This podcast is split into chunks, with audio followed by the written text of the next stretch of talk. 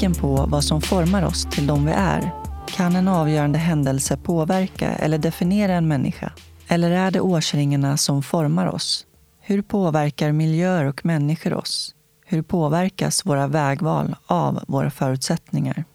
Ni lyssnar på Soluret Podcast och jag heter Jasmine Nilsson. I Soluret möter jag människor från alla samhällsskikt och med varje livshistoria belyses olika ämnen. Välkomna till avsnitt 67. Dagens intervju spelades in i Kulturhuset Dieselverkstan i Stockholm. Min huvudsamarbetspartner är det internationella hjälpmedelsföretaget Invacare. Idag får ni möta min vän och före detta kollega Erika Nilsson.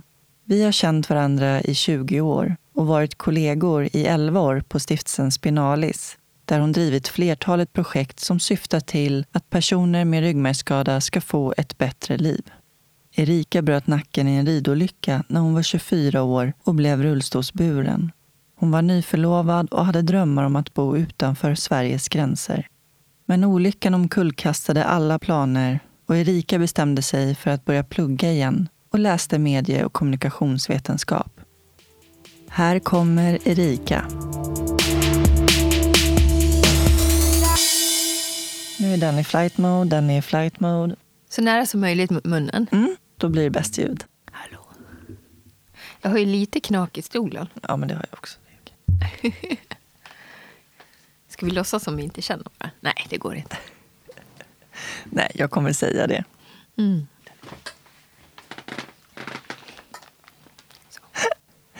Ja, den knakar verkligen i rulle. Ja. La, la, la, la, la, ska man sjunga upp sig. Do, re, mi, fa, sol, la, ti, do. Jag som inte ens kan sjunga. Vad vackert. Mm. Jag tycker vi kör igång. Mm. Välkommen till soluret, Erika. Tack så mycket. Min kära vän Ja, och för detta kollega. det också. Hur är läget? Jo, men det är bra tycker jag. Jag har fått en kopp kaffe nu och nej, jag känner mig laddad. Lite pirrig kanske, men det känns bra. Ja, för jag har ju velat intervjua dig sedan 2014 när jag höll på med timglaset. Mm. Är det så länge? Ja, jag vet att jag har fått frågan, men jag kände, jag vet inte. Jag är inte så här jättepigg på att vara i centrum och andra ska lyssna på mig och sådär. Jag vet inte, det känns lite sådär. Men man kan ändra sig. Ja. Nu är jag här. Du föddes 1970, den 10 oktober. Ja, det stämmer bra. Så du blir 50. Jag fyller 50 år. Ja, det känns jättekonstigt. Men det känns, det känns okej. Det känns bra. Då känns det lite speciellt, tänker jag också, att, Ja. eh, att släppa det här avsnittet. Jag tänker också att det kanske är lite grann så att ja, varför ska jag hålla på att vara svår och säga nej till saker? Nu är det väl dags att prova på lite nytt. Och jag tycker att jag har gjort det eh, det senaste året faktiskt. Sagt ja till nya grejer och provat saker som jag inte har gjort på länge. Så. Vad är det för saker? Ja, men jag, till exempel så tog jag upp det här med, med paddling och segling i våras igen. Eh, lite grann med tanke på det här att med coronapandemin och man får inte träffas inomhus och sådär. Sen höll jag på med det ganska mycket innan jag fick barn. Slutet av 90-talet eh, och början av 2000-talet. Men jag har inte gjort det på länge. Men den här sommaren har jag varit, jag tror, minst 25 dagar på vattnet. Både i kajak och i segelbåt, en sån här liten tvåfyra. Härligt. Ja, det har varit jättehärligt. Vad betyder det för dig att komma ut i naturen? Ja, men det är jättehärligt. Det är ljuvligt. Och jag gillar också det där eh, sättet att komma ut. Det blir ju liksom... När man är i kajaken, det är ju tyst. Det är ju inte som att man är på en fyrhjuling eller så. Nej, men det, jag tycker att det, det är härligt. Jag mår bra av det. Och jag var också ute på en... Jag utmanar mig själv riktigt, tycker jag. För jag var ju på en fyra dagars hike i Santa Annas skärgård. Där vi bodde ute på en klippig ö längst ut i skärgården. där. Vi hade med oss både vatten och förnödenheter och eh, toastol och tält. Jag sov i tält flera nätter. Hur funkar det då? Men jag tycker det har funkat över förväntan. Det är också roligt att se att man kan ju faktiskt göra saker som man inte har gjort på länge. Man blir ju bekväm, men det känns också häftigt att se att det funkar. Och nu när jag är lite äldre och jag hade ett år här för något år sedan. Jag låg ju på sjukhus i, i fjol. Eh, men som jag är ju återställd och så många förflyttningar om man säger så. Från rullstolen ner på backen och ner i båt och kajak och upp och ner från tält. Det har jag ju inte gjort på 20 år som jag har gjort i sommar. Mm. Det känns ju häftigt att det funkar. Ja men verkligen. Ja, med lite hjälp. Jag klarar inte själv. Nej. Men eh, man kan och, vara självständig med hjälp också. Ja men exakt. Mm. Precis. Kan du berätta lite om det? För du föddes ju med ett eh, hjärtfel. Ja, det där var lite lustigt. Jag var i, i Norge för tre år sedan. Jag jobbar för en stiftelse som heter Spinalis och vi har, en, vi har samarbete med en stiftelse i Oslo, Sunnostiftelsen. Och de hade bjudit över mig att vara med på ett av deras träningsläger. Och eh, efter några dagar blev jag sjuk. Eh, men ingen, ingen liksom större fara tyckte jag. Jag fick lite feber, ont i huvudet, ont i halsen och sådär. Men de hade en, en läkare med på plats där på hotellet och han kom in och ville titta till mig, vilket jag tyckte var helt onödigt. Alltså, jag är bara förkyld, liksom. jag vill bara sova. Men han sa, nej men jag är ändå här nu, låt mig liksom få lyssna på dina lungor och sådär. Och när han hade lyssnat på mitt hjärta då tittade han på mig och så liksom, la han huvudet lite på sned och sen tittade han igen du vet att du har ett, ett kraftigt blåsljud på hjärtat. Eller bilyd, sa han. Det var ju, han pratade ju norska förstås. Och jag bara, eh, nej. Jo, du har ett kraftigt eh, blåsljud på ditt hjärta. Så det, det där är liksom ett sånt där tillfälle i livet när man liksom allt bara man fryser lite till is. Man bara stannar och kommer ihåg att när man fick det här beskedet så är det ju när det händer saker som man förstår kommer att påverka en. Så det slutade med att de ville kolla vad det var redan där och då. Så jag fick åka in akut till Oslo. Och eh, ja, jag fick vara inneliggande. Jag fick sova på det där eh, idrottslägret med de andra. För jag var inte sjuk, men jag hade, de såg att jag hade ett medfött fel på min aortaklaff. Mm. Och det hade inte jag vetat om. Och jag hade levt med det. Och det är ganska normalt att man lever med det. Och att kroppen klarar att kompensera länge. Men jag har ju redan pratat om min ålder och nu när jag börjar bli lite så äldre då, så tydligen så hjärtat klarar inte riktigt och min ena kammare var också påverkad och förstorad. Så efter att jag hade kommit hem till Sverige igen och konsulterat lite olika läkare då, på KS. Och först ville de försöka avvakta eh, och inte göra en operation eftersom det är en ganska stor grej. Då.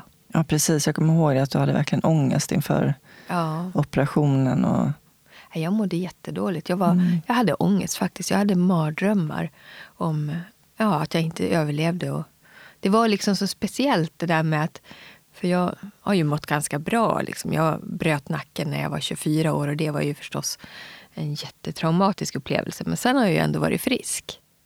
Men just när man fick vetskapen om att det var något fel på ens hjärta och att de ville såga upp bröstkorgen och gå in med en klaffprotes då, som de gjorde. Nej, det var läskigt. Jag drömde om att jag hade en tickande bomb. Jag vaknade på natten av att jag hörde mitt hjärta slå. Och det, i drömmen så var det en bomb som höll på att brisera. Mm. Nästa natt drömde jag att jag var i närheten av något så vulkanutbrott. Jag drömde att jag höll på att drunkna. Det var liksom katastrofscenarier nattetid ja. inför operationen. Mm. Men jag tänker också att eh, när man som vi lever med en ryggmärgsskada men då när ni väl drabbas av någonting ytterligare utöver ryggmärgsskadan så blir man ju betydligt skörare. Mm, verkligen. Många år så ville inte jag, jag tänkte att det är ingen idé att jag tecknar en olycksfallsförsäkring ja, jag, jag också tänkt på det. För jag har redan brutit nacken, vad, mer kan, vad, är, ja. vad är oddsen? Men det är klart, man har inte bättre odds Nej. bara för att man har lever med en hög förlamning. Vad intressant att du säger det. För att jag, jag har kollat på det här med sjuk och olycksfallsförsäkringar, för jag har inte haft någon. Nej, alltså okay. i princip så jag skadar mig. Så att, eh, jag funderar på det själv, men eh, ja, får se. Du har det alltså? Jag har det. Ja. Men de, jag tror inte jag hade det de första tio åren. För jag tänkte, nej, nej vad sjutton, jag har ju liksom ja. dragit min nitlott i livet. Det kan ju inte vara så mycket mer. Du nämnde själv att du jobbar på Stiftelsen Spinalis. Mm. Och där är du projektsamordnare. Mm. Stiftelsen Spinalis är ju en forskningsstiftelse som sysslar med behandlingsutveckling och också forskningsprojekt som gäller ryggmärgsskadevård och rehabilitering. Men också mycket så kunskapshöjande insatser både för de som lever med skada och vården och allmänheten också. Mm. Så jag har väl jobbat där. Jag har jobbat väldigt länge. Jag har jobbat sedan 2002. Jag skäms lite för det, det är så Nej. lång tid. Men, men samtidigt har jag haft väldigt omväxlande arbetsuppgifter. Mm. Och jag tycker att det är roligt och jag känner att jag har kunnat göra bra saker. Ja, men verkligen. Och det har du gjort också. Jag tänker vi ska komma in på de projekt som du har varit involverad i. Mm. Och jag fick ju mitt första jobb på Spinalis som eh, webbredaktör och var där i elva år. Ja, det var lång tid som ja. vi var kollegor. Jag har många gånger tänkt om man skulle testa något helt annat. Och jag har funderat på om man skulle jobba som lärarvikarie en termin eller någonting. Bara kasta sig in i något annat. Men jag tänker att eh, vi tar det från början. Ja. Innan allt det här hände. Vi, saker och ting i förväg här. Ja, precis. Ja. Berätta vart du kommer ifrån. Eh, jag kommer ifrån, jag är född i Västerbotten, i Umeå. Eh, mina föräldrar pluggade till lärare. Och jag föddes i oktober 1970. Och då var mamma var nyexad lärare. Hon hade slutat i juni där, färdig. Och pappa var nästan färdig lärare då. Så jag bodde på något litet, någon studentlägenhet första året. Men sen i början av 70-talet då fanns det inte så gott om lärarjobb. Så mina föräldrar behövde flytta för att få, få jobb. Det fanns inget där uppe där de bodde. Så vi flyttade ner till Dalarna. Till Mockfjärd bodde jag först. Sen blev det ganska många år. Jag tror det blev 18 år kanske i, i Gagnefs kommun då, som ligger mellan Borlänge och Leksand. Så där växte jag upp. Hur var det att växa upp där? Det var bra. Det var tryggt, för mig i alla fall. Jag har haft en, en lugn... Man försöker så reflektera över sin barndom. Jag har haft det bra, väldigt stabilt. Jag tror att jag har en grundmurad trygghet av att ha två kärleksfulla föräldrar. Och sen har jag tre syskon. då. Men jag hade en, en bra tid. Ja, men du är stora syster. Jag är stora syster, ja det är Jag är väldigt tacksam för mina syskon. De är härliga, underbara. Hur är du som stora syster då? Jag tror jag är en ganska typisk stora syster. Jag tror det. Lite mer så ordningsam och går i täten och sådär. Ja. Hur gick det för dig i skolan? Ja, hur gick det för mig i skolan? Ganska bra, men jag var nog en medel, ganska medelmåttig. Jag var väl intresserad, men inte så här... Jag var aldrig någon pluggis.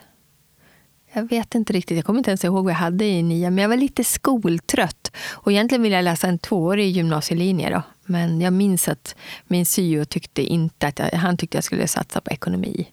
tyckte det var, han sa att pärlor för svin. Det var ju snällt sagt, men jag, var, jag hade behövt en kortare gymnasieutbildning, tror jag. Eller det hade varit bra. Två år hade räckt. Mm. Sista året var jag rätt less. Vad hade du för fritidsintressen? Mm hästar och ridning från det att jag kanske gick i tvåan, eh, åtta, tio år, eh, fram till eh, första ring, första året på gymnasiet, så var det mycket ridning på helgen och sådär. Eh, sen så tog väl andra intressen över på gymnasiet. Man började vara ute lite och ta tåget till Rättviksparken på helgerna och träffa Leksands killar. Och, ja, det var andra saker som hände. Nej, men det var mycket hästar först. Mm. Vad hade du för eh, framtidstankar? Jag tror att jag, eller jag vet, jag kommer ihåg någonstans när vi blev intervjuade. Då ville jag bli förskollärare. Jag gillar barn, jag har alltid gillat barn. Så jag var väl inne lite grann på lärarbanan då först. Precis så. som mina mm. föräldrar. Mm. Men nej, när jag fick mina första jobb så började jag jobba inom, eh, lite inom hotell och restaurang. Jag jobbade på Tällberg, jag städade hotellrum och avancerade till frukostvärdinna och gick därifrån och började jobba lite grann på krogen i Borlänge. Tyckte det var jättekul. Jag vet att sista terminen i trean på gymnasiet så gick jag en sån här bartenderutbildning till mammas förfäran. Den gick liksom, jag tror att det var någon halv fredag som jag missade skolan minst för den där utbildningen när jag hade gått, tagit studenten då jag var sugen på att åka ut i världen. och eh, Jag var först inne på att åka till England eller USA och jobba som au pair. Men eh, jag tror jag tänkte som så att jag var ganska bra på engelska redan. Pappa är engelska lärare och jag har haft lätt för det. Men jag hade ju läst tyska också och det var jag i kass på. Så jag var modig nog och sökte jobb, hittade en annons i Dagens Nyheter, och Per Madchen Frankfurt am Main. Så då tog jag bussen. Januari 1990 tog jag bussen ner till Tyskland och Frankfurt och träffade min au pair-familj. Och sen blev jag kvar i Tyskland i fyra år faktiskt. Jag jobbade eh, i hotell och restaurang. Satt i eh, växeln på ett jättefint hotell. Steigenberger Frankfurter Hof hette det. Guten Tag, was kann ich für Sie tun? Ja, jag, jag jobbade där och sen så jobbade jag också lite extra i reception i, på en advokatbyrå som jag fick genom en annan svensk tjej som bodde där nere. Och sen så hade jag extra knäck i bar och restaurang. Mm. Så jag liksom levde livet och jobbade liksom kontor eftermiddagar mellan ett och fem. Och sen gick jag direkt och jobbade krogen på kvällarna. Och sen sov jag till elva. Ja, hade ganska roligt. Men fyra år, det är ju ändå ganska lång tid, tänker mm. jag. Jag träffade ju min före detta partner där nere. Han var kock i det australiensiska kocklandslaget och var i Frankfurt. Och vi träffades ute på en, en irländsk pub och eh, blev ihop. Och eh, under de där åren i Frankfurt så åkte jag också fram och tillbaka några gånger till Australien. Och eh, såg väl framför mig en framtid Egentligen var vi inne på London, att vi skulle bo några år i, i London och jobba där bägge två. Men 93 eh, så åkte vi till Australien. Då hade vi eh, hyrt ut vår lägenhet i Frankfurt och så köpte vi en bil i Australien och åkte runt i sex månader. Bodde i tält ute och liksom levde det här backpackerlivet. Jättehärligt. Fantastiskt land. Jättefint och underbara människor. Verkligen. Jag hade varit i Australien då och sen flög jag till Tyskland för att vi hade bestämt oss för att liksom lämna Tyskland. Men vi hade inte riktigt bestämt oss för vad vi skulle göra till hösten. Men jag, men jag hade tänkt att jag skulle ha några semesterveckor i Sverige i alla fall. Det var den här jättehärliga sommaren 94. Men jag packade ihop allt vårt, alla våra tillhörigheter och så tog jag ett tåg upp till eh, Helsingborg och Ystad där mamma och pappa hämtade mig med mina resväskor, pick och pack från Tyskland. Och sen körde vi upp och så var tanken att jag skulle vara i Sverige över sommaren och att Dean, då, som han hette, skulle ansluta efter någon månad. Men bara efter eh, några veckor där jag har varit hemma så ja, jag var inne på det här. Det var härligt att vara i Sverige igen och kom, jag tänkte komma ut i naturen, kanske rida igen. Så då tipsade mamma och pappa hade bekanta i Gagnef då, där jag bodde som hade hästar. Så jag frågade. Jag kollade med dem om jag fick låna en häst och det fick jag. Och, men de första gångerna jag var ute och red den där sommaren, det var ju jättehärligt. Jag njöt verkligen av svenska sommarkvällar igen och ljuset. Och, men den här hästen jag hade lånat, det var ju liksom en sådär halvdant inriden travhäst. Så den var ju inte riktigt så väldresserad. Så jag hade ju oturen då att flyga av en söndagkväll eh, när jag hade gett mig ut och ridit. Och jag var ensam, men som tur var hade jag mött några på stallbacken och sagt åt dem att jag, jag tänker försöka rida ut mot det gamla flygfältet upp i skogen där. Så det som hände den kvällen det var ju att eh, att den här hästen han blev jätteuppspelt och han började mer eller mindre skena. Eller han sprang det fortaste han kunde. Men det var en skogsväg och det var ganska brant uppför. Så att jag var inte speciellt rädd utan jag lät honom springa. Eh, jag tänkte att jag kan ju bara, han kommer bli trött. Men jag var inte förberedd på att hästen skulle kasta sig åt sidan. Och eh, det var en gren där förmodligen, eller jag flög av. Det var liksom en millisekundsverk. Eh, jag vaknar till och tittar upp och eh, jag ligger på backen. Och mina ben ligger i någon konstig vinkel. Och jag ser att jag har så myggor på magen som jag inte känner. Jag vet att jag tog av mig, jag hade en rosa armbandsklocka som jag hade fått.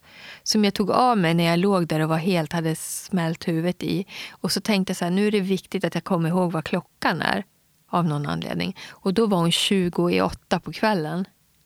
Men, eh, och det här var ju innan man hade någon mobiltelefon eller någonting. Så jag hade ju inget annat att göra än att ligga där och vänta på att något skulle hända. Och sen hör jag samtidigt hästen som trampar omkring i skogen bakom mig. Så jag förstod ganska direkt. Antingen, jag tänkte antingen det här är en, en mardröm, men det visste jag att det inte var. Eller också det här, det här är inte bra, det här är allvarligt. Som tur var sprang hästen tillbaka till stallet och de såg den komma där med tyglar och utan ryttare.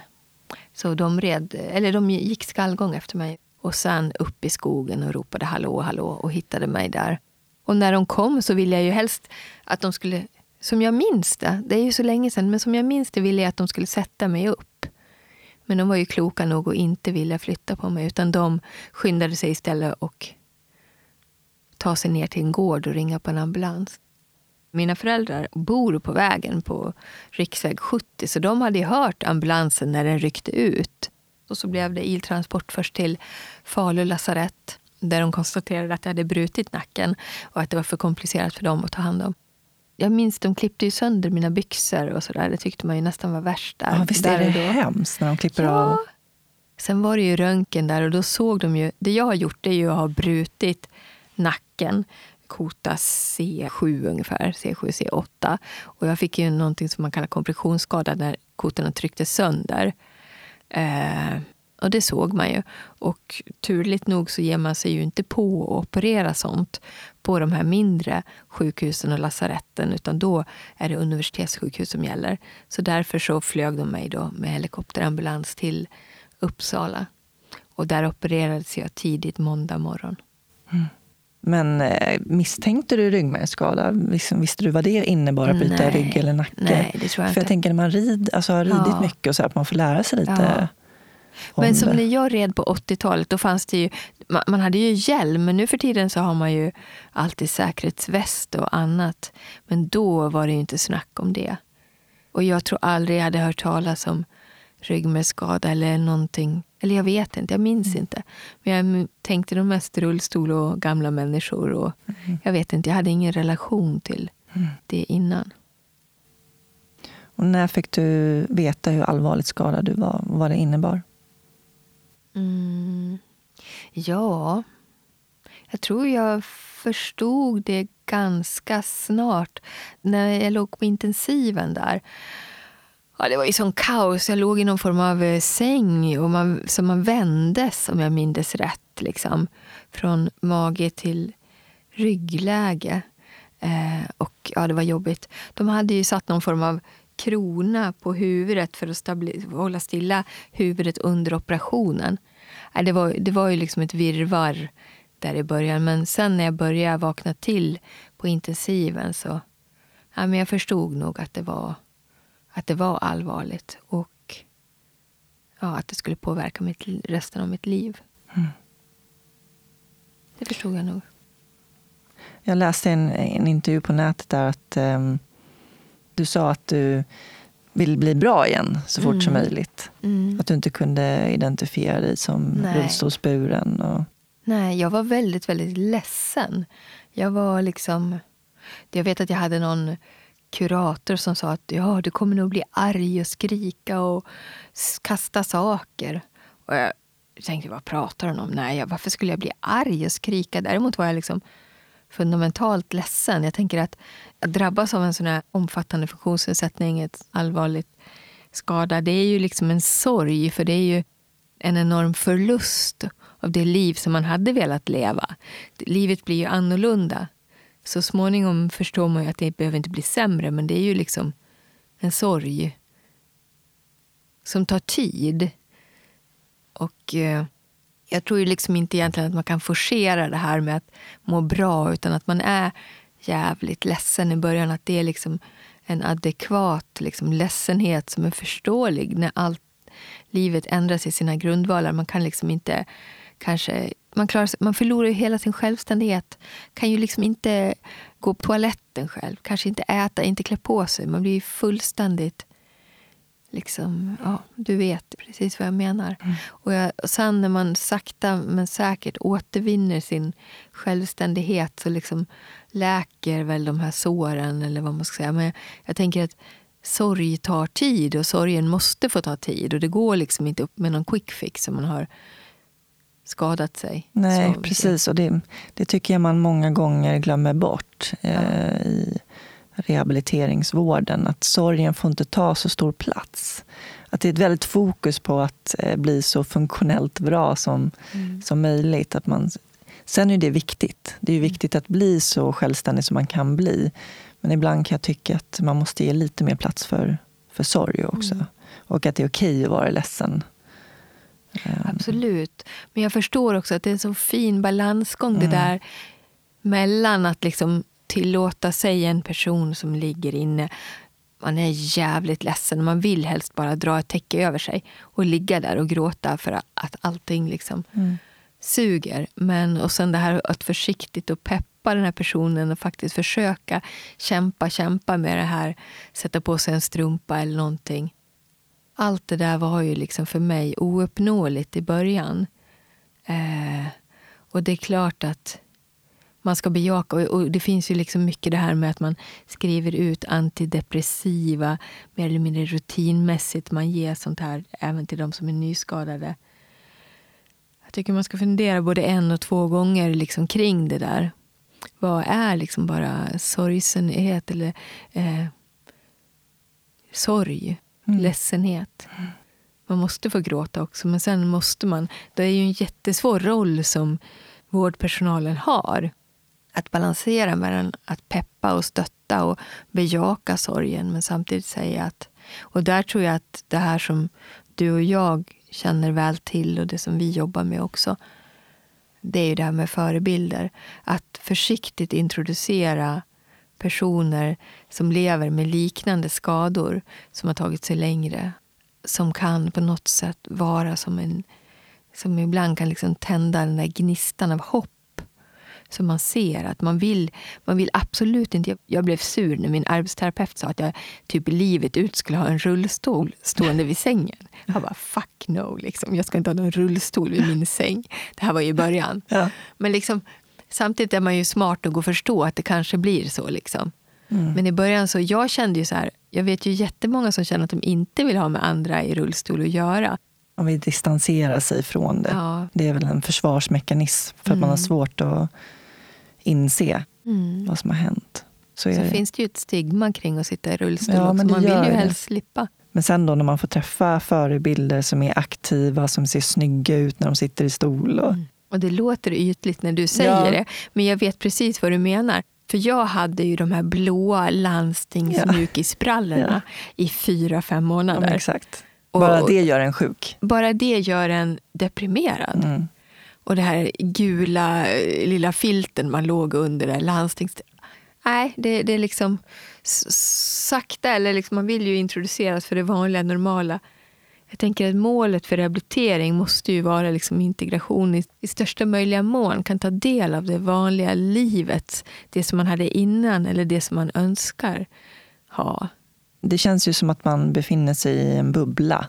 Att världen pågår utanför och man är inte delaktig utan man befinner sig i den här sjukhusbubblan. Ja. Och det där steget att ta sig ut, det är mm. ju enormt. Alltså. Mm. Jag tyckte det var jättejobbigt första permissionen när jag var hem till mm. huset.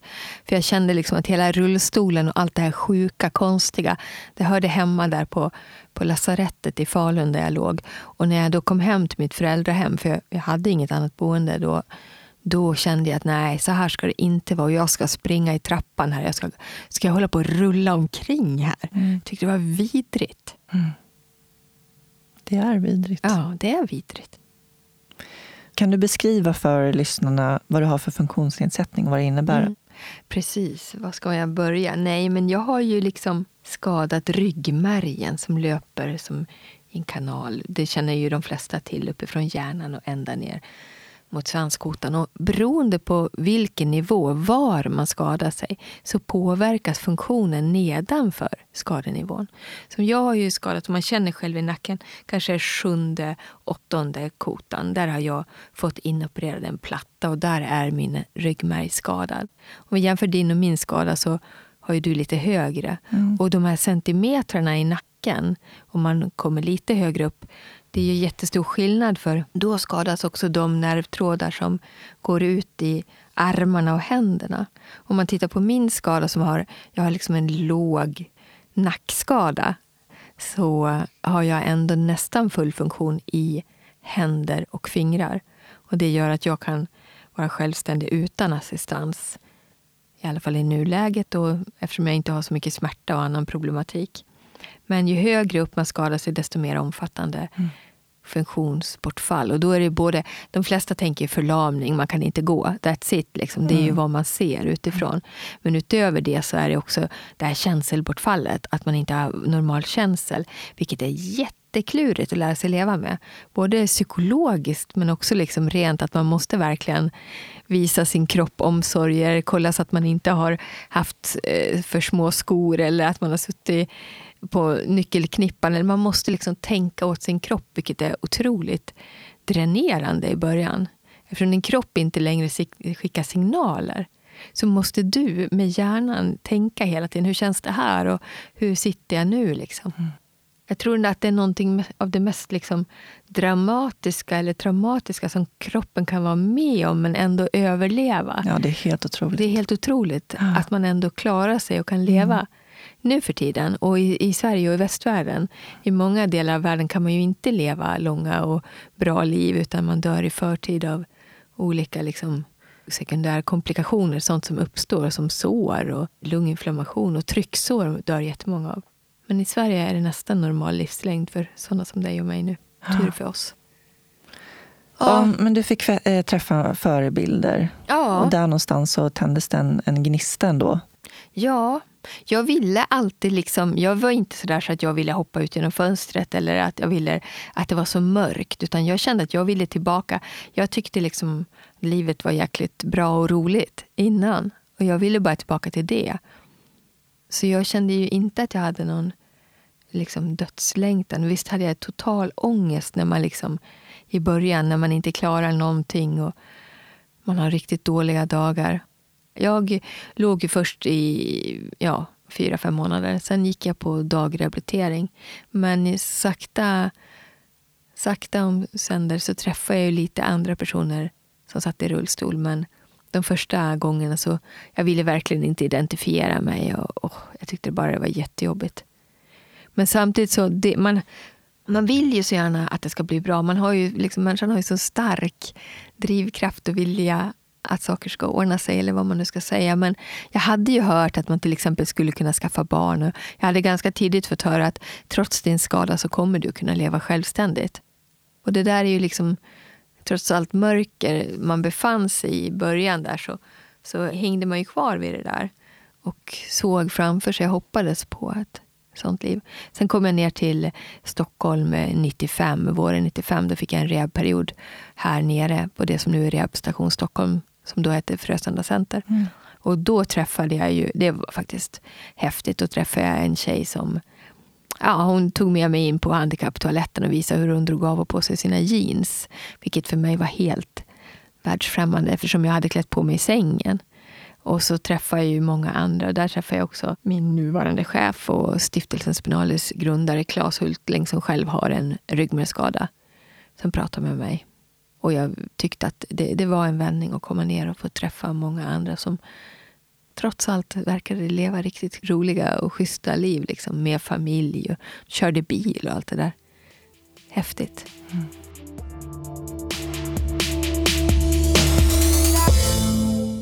Nu tar vi en kort paus och ringer upp min samarbetspartner Invacare. Invacare Joakim. Tjenare Joakim, det är Jasmin från Soluret här. Hur är läget med dig? Det är alldeles utmärkt. Härligt att höra. Vad gör du för någonting på Invacare? Jag är arbetsterapeut och jobbar numera som produktchef på Invacare över manuella rullstolar. Jag håller mest på med rullstolar i olika former numera. Jag sitter ju i en KSL och eh, nu har det kommit en ny modell. Kan du berätta lite om den? Ja, men helt rätt. Det har kommit en helt ny eh, uppgradering, nya modeller på samtliga Kirschalls eh, aktivrullstolar i och med det också så har det kommit till en hjälpmedel för att man ska själv kunna se hur sin rullstol kan se ut. Allt från vilken färg man vill ha, vilka hjul, bromsar, rygg, körantag. Så man kan själv leka på vår hemsida med detta verktyg. Verktyget heter Visualizer. Man bara går in via vår hemsida eller kursall.com och sen kan man välja vilken modell man vill ha och där kan man då göra en stol i princip från grunden beroende på om man vill ha en, en viss modell, jag vill ha en viss färg, jag vill ha detta djuret och så vidare och så vidare.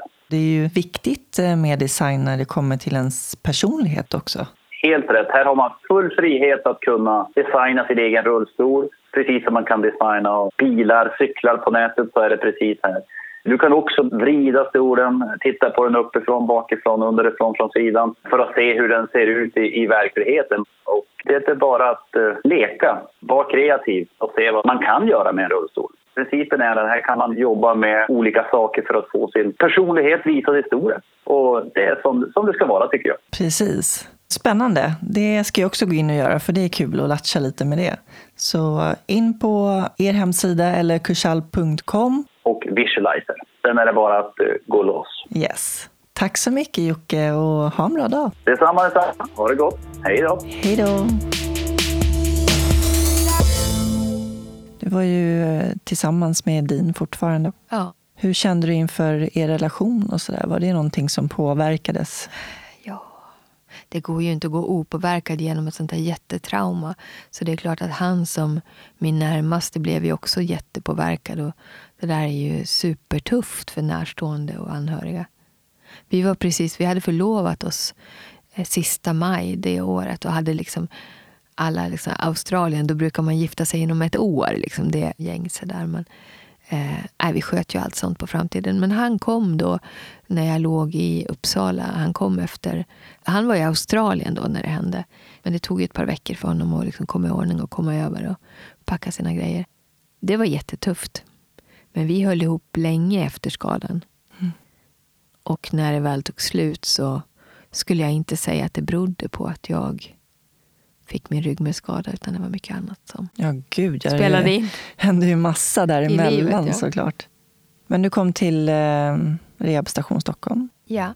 Och eh, kom igång med träning och blev mer självständig. Mm. Och sen, vad hände efter rehabiliteringen när du kom hem? För det är ju oftast då som det på något sätt, mm. då kommer verkligheten ikapp.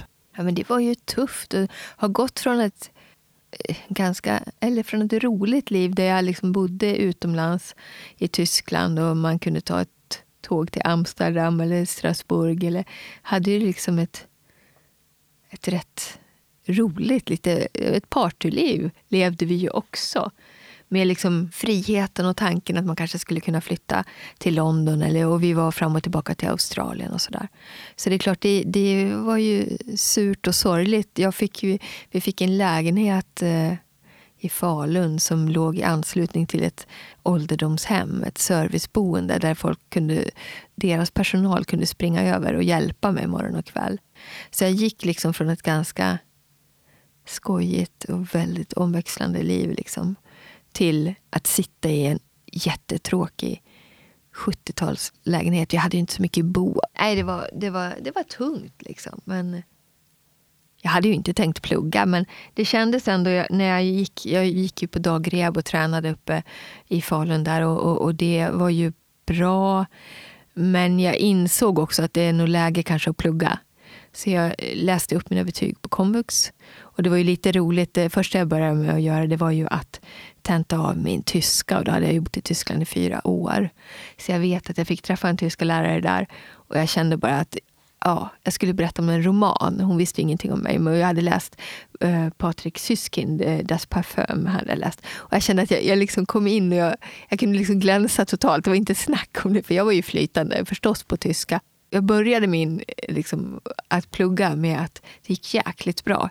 Jag märkte ju att jag var ju duktigare än den här tyska läraren. Det var ju inte så konstigt eftersom jag hade bott där så länge. Sen läste jag också upp min matte och lite andra betyg. Sen gjorde jag högskoleprovet. Och från att ha varit, haft dåliga betyg egentligen på gymnasiet och var skoltrött så gick det jättebra. Och jag skrev bra på högskoleprovet och kom in på en utbildning. Ja, jag tror att det där är viktigt att så fort som möjligt hitta någon annan sysselsättning och känna att man kan vara bra på någonting annat än vad, vad man eventuellt gjorde innan. Mm. Men att det är viktigt att få den sporren och den drivkraften. Man har ju det lättare när man kan gilla att plugga och läsa och prata än om man kanske var takläggare eller rörmokare ja, och aldrig har varit den personen som gillar liksom datorer eller mm. papper. Mm. eller någonting. De har ju liksom en tuffare biljett att hitta tillbaka. Mm. Och sen så sökte jag till eh, ja, jag har läst mediekommunikationsvetenskap, interkulturell kommunikation i Örebro och Stockholm. Läste till informatör. Mm. Men det måste ju passa bra i din roll som eh, projektsamordnare, tänker jag. Ja, jag tycker jag har haft mycket hjälp av min högskoleutbildning. Jag kommer ihåg när jag var nyskadad eh, och jag kom till dagrehab på Spinaliskliniken. Då jobbade du i receptionen. Det var jätteviktigt för mig att se en mm. kvinna sitta där gravid i sin rullstol mm. med nackskada. Det betyder mm. jättemycket för mig att bara se det. Mm. Ja, det, det är häftigt. Det är så jag, avgörande. Och jag vet ju det och du vet ju det. Och, och, jag tänker att jag i mitt jobb och du med ditt ideella uppdrag när du åker ut till sjukhusen, att mm. vi försöker ändå liksom föra det här vidare. För vi mm. vet hur viktigt det har varit. Så jag känner att man har liksom en skyldighet är väl kanske ett stort ord, men ändå kanske en skyldighet att eh, bring it forward eller att ge tillbaka av det man en gång fick. Mm. Nu tror jag många är nyfikna på också hur det är att föda barn som ja. förlamad. Ja. Det är ju många som undrar om man ens kan ha sex. Ja, precis. Det kan väl du svara på? Det kan vi intyga på att det går jättebra. Ja. Nej, men det där är ju en jättegrej. Och jag har alltid varit barnkär. Så jag ville ju ha barn. Jag hittade något sånt där brev som jag skrev till mig själv för länge sedan och hur jag drömde att mitt liv skulle vara när jag var 30. Och Då skulle jag ha flera barn och bo på landet och ha jätter och lite så här. Jag hade någon, någon dröm om en, en, stor familj. Men sen efter min skada då, då var ju allt lite ställt på paus. sånt där. Så även om jag var nyförlovad så visste jag inte om jag skulle våga. Men... Vad hade du för rädslor? Nej, men man, liksom, en kropp som inte funkar, en förlamad kropp, den ställer till ganska mycket bekymmer och tar ganska mycket tid, åtminstone i början. Och när jag väl hade fått kontroll på, jaha, så där känns det när jag är kissnödig och nu är det nya signaler och så här måste jag tänka kring det och ta sig fram. Och, nej, jag kände så att, ska jag verkligen skaffa barn? Jag minns att jag hade sån här, någon längtan att bli liksom mormor direkt, eller farmor. Gulligt. Att jag skulle få hoppa över det steget. Oh. Att jag skulle få gosa och gulla med de där små barnen som skulle älska mig men som jag inte behövde ta ansvar för, för jag känner att jag kanske inte klarar. Det, det, kanske, inte, det kanske är oansvarigt av mig, tänkte jag. Att mm. verkligen sätta barn till... För jag tänkte liksom... Man ser mycket liksom bilder och så här för sitt inre. Mammor som är, det är väldigt fysiskt. De går och vaggar och vyssjar och drar barnvagn. Och, jagar små två och treåringar. Och ja, precis. Men jag ville ju hemskt, hemskt gärna ha barn. Och eh, jag blev gravid 99. Jag minns hur det var. Jag var på stan. Jag åkte och köpte ett sånt här graviditetstest. Sen tog, gjorde jag det här testet på ett café nere i Kungsan. Så Vad kollade. roligt, och vi som ja, fikade där här liksom, Ja, precis. Men på andra sidan, där bredvid Café Opera, där ligger något litet café. Ja. Där var jag inne och kissade på en sticka. Ja. Och när jag såg det, jag tror att jag åkte direkt till Spinaliskliniken. För jag, var så, jag kände mig så rädd och glad och upprymd, men mest orolig för att jag hade ätit för jag åt någon medicin. Så på Spinalis där, då fanns det en disputerad barnmorska, Ninni Westgren, som hade just tittat på det här med ryggmärgsskadade kvinnor, graviditet, förlossning, föräldraskap, hur funkar det? Sexualitet också. Så jag åkte dit och sa liksom, hjälp, jag är gravid. Fick träffa henne på en gång som jag minns det. Och hon bara, först så gratulerade hon mig och var liksom jättecool. Jag tror att hon har fyra barn själv, eller fem kanske. Till. Nej, men sen så sa hon, nej, men nu kollar vi upp det här. Du har ätit den här medicinen. Vet du att vi trappar ut det nu, ingen fara, inga större risker. Och hon liksom verkligen så här, grattade mig. Och det är klart att jag var livrädd, men jag var också glad, väldigt glad. Och sen fick jag träffa några andra mammor i rullstol som Camilla som jobbade där också, som visade på lite så här, eh, matstolar och sängar och hur hade man löst det praktiskt. Och graviditeten gick bra. Och egentligen hann det bara bli så där riktigt jobbigt där i åttonde månaden. Men sen, mitt första barn föddes lite tidigt. Inte jättemycket, men tre och en halv vecka, en vecka 36. Så vattnet gick och jag, var liksom, jag hade inte hunnit liksom börja krisa egentligen för förlossningen. Jag hade träffat en läkare som hade liksom sagt att vet du att det går bra att föda barn även om du har en förlamningsskada. För det är liksom inte du som viljemässigt eh, ser till att de här eh, verkarna och utdrivningsarbetet funkar. Utan du ska se, liksom, du kommer att fixa det här. Och jag fick tätare kontroller på Huddinge, på specialistmödravården där. Det gick bra, jag kände mig trygg där. Men, men sen, eh, ja, vattnet gick en söndag morgon. Och jag fattade ingenting. För jag, jag, jag, tanken att jag skulle föda barn slog mig inte. Jag tänkte jag är i vecka 36, vad är det som händer? Jag trodde jag hade kissat på mig, men det stämde inte. Så då åkte vi in till eh, Huddinge. Jag mådde jättebra, men de behöll mig där. Och eh, morgonen på klockan sex på morgonen så är Anton född. Och utan liksom hjälpmedel egentligen. De pratade kort om en sugklocka. Men så länge man har liksom ett normalt eh, förlossningsarbete, eller då sköter kroppen utdrivningen själv. Det är, det är mm. fascinerande. Och ibland blir en del nästan provocerade när jag säger det, för de tycker själva att de har gjort allt jobb. Ja, eller liksom, att det är mm. så. Det är klart att ja, jag kände ju ingen smärta. Jag tog eh, Man får väl epidural ändå? Nej, fick jag inte. Du fick inte det? Nej. För jag har förstått det som att man får det för att man kan få det här mm. autonoma... Dysreflexin. Ja, precis. Ja, man vill ju undvika att liksom blodtrycket går bananas på grund av att kroppen skickar en massa smärtsignaler upp som inte tas emot av hjärnan. Så nu tror jag att man är tydligare med att och liksom eh, rekommendera smärtlindring även om man inte känner något. Men jag fick lustgas bara egentligen bägge gångerna. Andra gången hann jag knappt vara inne så länge så att det blev mm. inte så mycket snack om smärtlindring. Men det gick bra. Och jag vet att eh, ja, mm, läkaren sa att ja, din kropp är som, som gjord för det här. Nej, men man kan ju inte jobba emot sin kropp. Nej. Jag kan ju känna mig snuvad på den där starka upplevelsen, den här råa smärtan, det här primalskri, lite ja. som andra kvinnor kan dela. Jag kan känna att jag kanske hade velat uppleva det också. Det gjorde jag ju inte. Jag var, tyckte det var fruktansvärt obehagligt. Jag kände mig extremt liksom, skitnödig. Det, det känns ju inte som ett bra ord att säga. Men det kändes ju... Jag mådde illa och var illa till mods och obehag. Men jag kände ju ingen, jag kände ju ingen smärta. Sen är det ju individuellt. Det finns ju andra kvinnor med ryggmärgsskada som har eh, andra problem och bekymmer som gör att man kanske behöver liksom, göra kejsarsnitt ändå. Eller att andra saker kan ställa till det. Men för mig gick det lätt. Och, och rekommendationen är ändå liksom att ryggmärgsskadan i sig ska inte vara ett kriterium för att man ska planeras inför kejsarsnitt. Utan den eh, läkare som jag har haft mycket kontakt med och som jag sen har jobbat lite grann ihop med, hon har ju berättat hur hon har förlöst kvinnor i koma där liksom kroppen sköter hela det här utdrivningsarbetet, verkan och allting själva. Det är ju inte någon gående, stående, icke-skadad kvinna som kan påverka sin livmoders arbete. Nej, det är ju inte de här, det är ju inte ryggmärgen, det är ju inte det centrala nervsystemet. Utan det är ju andra impulser, det är ju inre organ. Så det kan nästan vara till en fördel egentligen? Ja. Därför att man motarbetar inte Nej, kroppen? man spänner sig inte. Man känner inte den där smärtan och rädslan. Hur var det att bli mamma?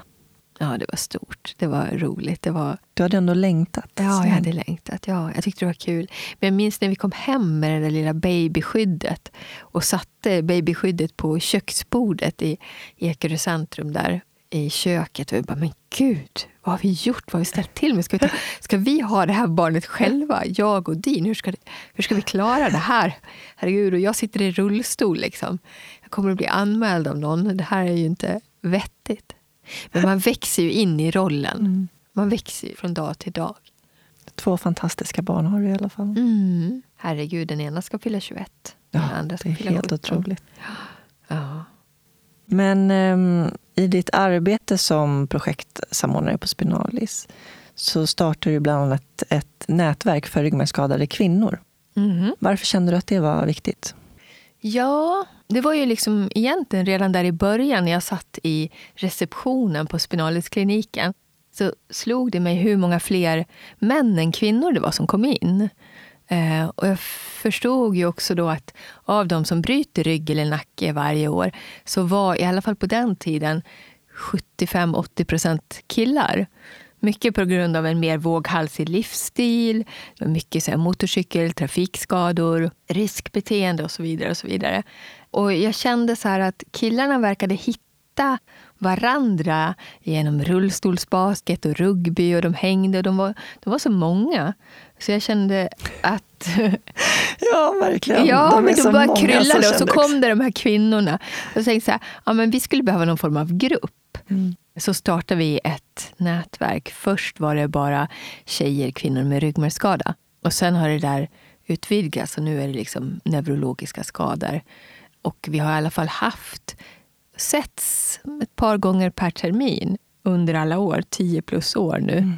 Och det är ingen fast konstellation utan det är liksom träffar med olika teman. Och det har varit allt ifrån lättsamma saker som underkläder och smink och styling till liksom att leva med smärta, att resa, eh, mecka med din rullstol, eh, neurologisk blåsa, vad gör man? Och tusen andra teman. Det är ju inte så liksom att man per automatik har någonting gemensamt egentligen med en Mm. annan person bara för att den har fått ryggmärgsskada.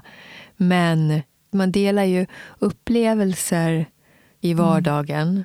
Och jag känner att många tycker att det är värdefullt med det här erfarenhetsutbytet. Ja. Och bara det här snicksnacket. Så Mm. Ibland har vi föreläsningar, men the magic happens i de här små grupperna. När Mm. folk snackar och bara, jaha, nej men gud, gör du så? Nej men finns det? Jaha, visa liksom. Det är bra. Apropå killar och rugby. Du och jag, vi, vi, försökte komma igång lite där och spela rugby med killarna. Kommer du ihåg det? Ja, Jag kom igång lite där, minne. så övertalade jag dig att komma också. Vi Ah. på där, men ja, det varade inte så Det länge. är ju lite speciellt den här handikappvärlden. Ja. Det är ju många som liksom ska hålla på och sporta och bli såna atleter efteråt. Mm. Men det är ju tufft när man som jag aldrig har gillat bollar eller sport. Nej, precis. Man blir ju inte någon paralympier bara för att man hamnar i rullstol. Nej, exakt. Verkligen inte.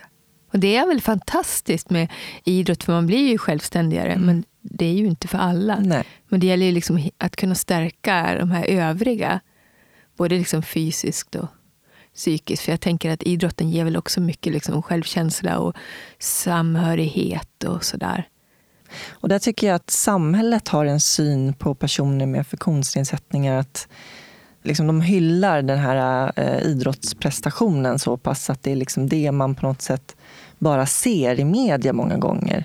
Alla de här som bestiger berg eller krålar i, i djungeln, gör massa så här extrema utmaningar eller allmänheten har den här eh, inskränkta synen på att Att det- Antingen är man hjälte ja. och paralympier eller offer. Precis. Offer för omständigheterna. Och det, det känns ju som, media har ju också svårt med bilden. Mm. Och den mångfacetterade bilden av en person som sitter i rullstol som Precis. kanske är biolog och vad vet jag, frimärkssamlande, Ja, eh, transsexuell. Ja. Utan man kan bara vara liksom... Och vi är ju olika individer precis som alla andra. Ja. Helt ärligt så är det lite tröttsamt att ha varit med nu i 25 plus år. För jag kan ju inte säga att frågor kring tillgänglighet, mänskliga rättigheter, humanism, solidaritet med de som kanske inte föds med samma förutsättningar. Det är ju ingenting som står högt på dagordningen, tvärtom. Det var ju mycket mer där när jag var nyskadad 95 och när LSS infördes. Så det har ju varit helt, det blåser helt andra vindar. Man hör ju aldrig liksom någon prata om mänskliga rättigheter. Det är liksom långt ifrån. Jag hör aldrig Löfven eller Kristersson eller någon ta upp det här med att nu måste vi verkligen stärka den här gruppen så att de blir inkluderade, får Nej. samma chanser, Nej. samma möjligheter. Och FN kritiserar ju Sverige för att vi inte lever upp till de målen som man har satt upp. Det finns ju någon lag om tillgänglighet, men allting det här känns ju som en, en chimär. Eller det händer ju ingenting. Nej. Det är ju liksom inte prioriterat. Jag ser ju liksom, jag kommer ju, jag, jag kommer ju fortfarande inte in i massor med affärer, restauranger, kaféer. Jag ser ju till och med hur det backar. Jag ser hur mitt lokala bageri i Ekerö centrum, att de har byggt om sin tillgängliga och anpassade toalett och gjort den hälften så stor. Byggt om liksom, och gjort kapprum utanför istället. Jag har skrivit till kommunen, varför fick de bygglov? Får inget svar. Men det är ju bara ett exempel. Tyvärr så, så backar det. Och det är också jättetråkigt att vara den här som är gnällig. Eh, man vill ju inte vara, man vill ju vara den här positiva. Men tyvärr liksom. Vad, vad gör det med dig som människa? Ja. Jag tänker att man märker det kanske ännu tydligare när man reser i länder som har eh, starkare lagstiftning. Jag tänker på eh, American Disability Act och USA som har otroligt många brister, men just när det gäller tillgänglighet. Man behöver ju aldrig fundera. Nej. Tanken var att jag skulle ha en fest när jag fyller 50. Nu är det ju corona, så nu blir det ingenting. Men jag menar, det går ju aldrig att boka någonting utan att kolla om det går att komma in och om det finns en toalett. Precis. Det vet ju du. Man kan ju aldrig liksom bara tänka, ja men självklart, det är ju lag. Men man kan aldrig vara spontan, Nej. utan man måste alltid kontrollera innan. Var toaletten är, är det trappor upp, är det en tröskel, hur hög är den, fixar jag det, behöver jag hjälp? Alltid Mm. måste man kolla.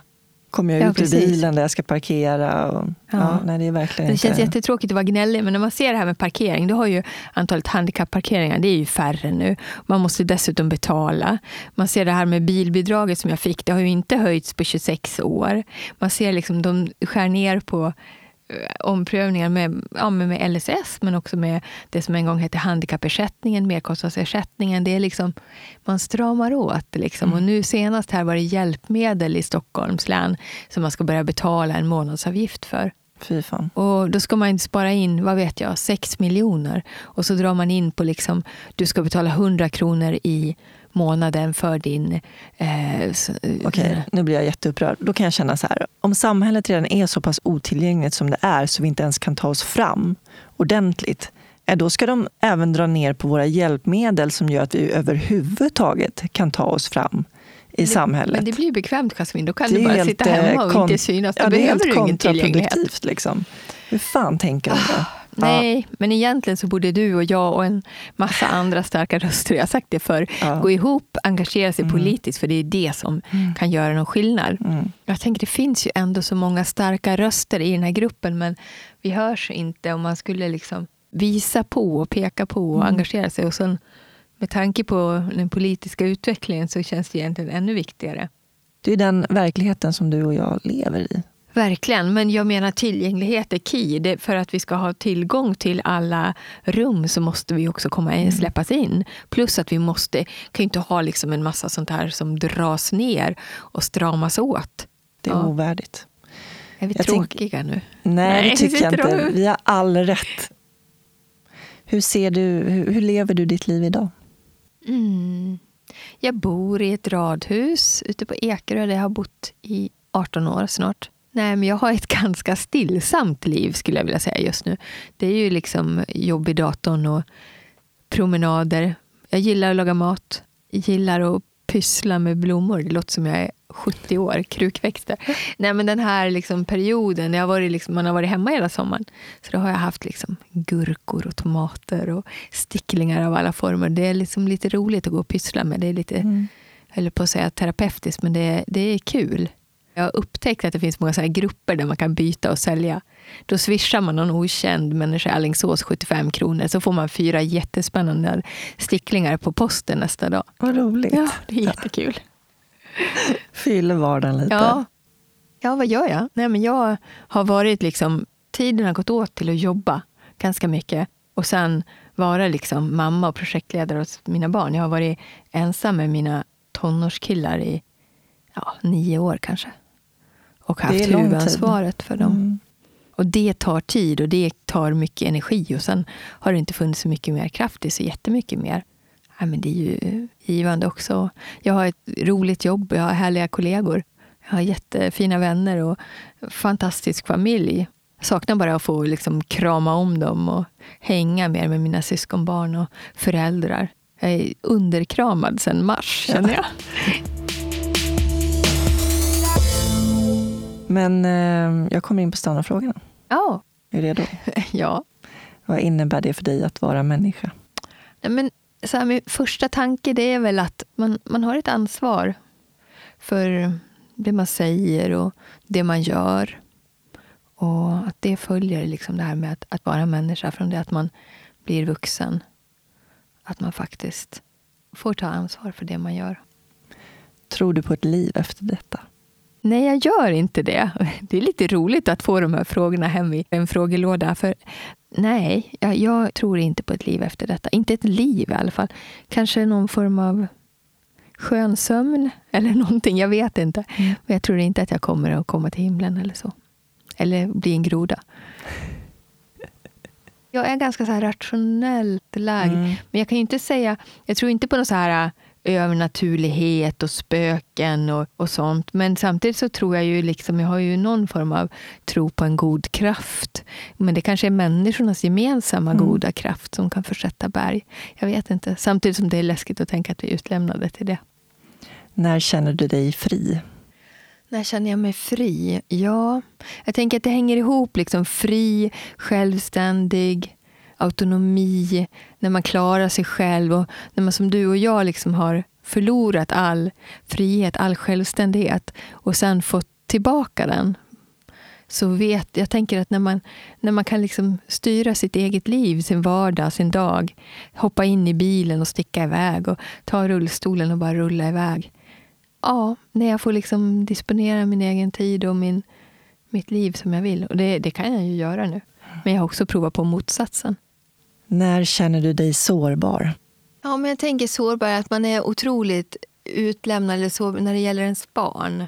Om det är någonting, om ens barn, om, när de inte mår bra eller när man inte vet var de är eller någonting. Det finns ingen tidpunkt jag känner mig liksom så skör som då, som när om de är ledsna eller på något sätt utsatta eller inte trivs med livet eller någonting. Då är man bara...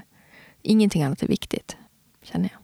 Eller när någon nära är sjuk eller sådär. Man oroar sig då. Då är det mm. tunn is. Vad drömmer du om? Ja, vad drömmer jag om? Ja, men jag tänker så här... Äh, vardagslycka, harmoni, bra dagar, solsken. Uh, ja, jag vet inte, men frånvaro av dramatik och olycka. Och bara skönt att få komma upp och ta en kopp god te på morgonen och ut i solskenet träffa vänner. Det är liksom... Det kanske låter liksom konstigt att inte ha högre, mer högtflygande planer än så, men jag tänker att vardagslycka är ibland underskattat. Antingen eller-frågor. Okej. Stad eller landsbygd? Jag måste ju säga landsbygd när jag bott större delen av mitt liv. Fast jag älskade att bo mitt i Frankfurt också och stadens puls. Jag är, jag är dålig, men jag säger landsbygd. Mm. Bok eller film? Mm, film. Kött eller grönsaker? Mm. Oh. Det beror ju på. Det ska ju vara riktigt gott kött. Jag, när jag bodde i Australien så Deans pappa var ju butcher och tog ju hem såna här grillade lammkotletter och grejer. Men, men det har ju blivit mer och mer grönsaker. Jag säger grönsaker. Planering eller spontanitet? Ja, men det är nog spontanitet. Se eller höra? Oh. Se. Lyssna eller prata? Hmm, jag önskar att jag var lika bra på bägge. Jag hoppas jag jobbar på det. Men jag pratar mycket. Men jag tror och tänker att jag är ganska bra på att lyssna. Du föreläser ju en del också. Hur är det att vara ute och föreläsa? Jag tycker det är roligt. Det är också någonting man lär sig. Jag tyckte att det var ganska, jag var ganska nervös i början. Jag jobbade i det ett projekt som heter Mamma Pappa Lam som handlar om fertilitet, graviditet och förlossning. Och då pratade vi jättemycket för barnmorskor runt om i landet. Och i början så var man ju, det var ju ovant att prata. Men det är kul och nu känner jag att, när, speciellt när jag har gjort det ihop med någon kollega som jag jobbat ihop med länge, då kan jag verkligen njuta av att liksom stå på scen och man bollar och man kan prata och man vet liksom vad man ska säga och man vet att man har någonting att dela med sig av som de är intresserade av. Mm. Vi fick ju ett helt fantastiskt hedersuppdrag efter att vi hade jobbat med det här projektet Mamma Pappa Lam. Vi blev ju medbjudna med svenska delegationen till New York och till FN-skrapan och fick föreläsa där om just vårt projekt om föräldraskap och funktionsnedsättning. Det var förvisso i en källare i FN-skrapan, men ändå. Det var bland det häftigaste jag gjort i hela mitt liv. Och få komma till New York var också underbart. Tack så jättemycket Erika för att du kom och delade med dig av ditt liv. Ja, men tack så jättemycket. Det var jättekul Jasmin. Tack för att jag fick komma. Du, eh, jag säger det nu, grattis på födelsedagen. Ja, men gud, det varit mycket snack om den här födelsedagen. Ja. En, vad var det min kollega sa? En vecka kvar på rätt sida om dödshalvan. Eller något Nej, men gud, ja, det var väldigt brutalt sagt. Jag känner mig ganska ung och pigg för min ålder. Jag känner mig också ganska energisk än så länge. Vi stänger av. Vi stänger av.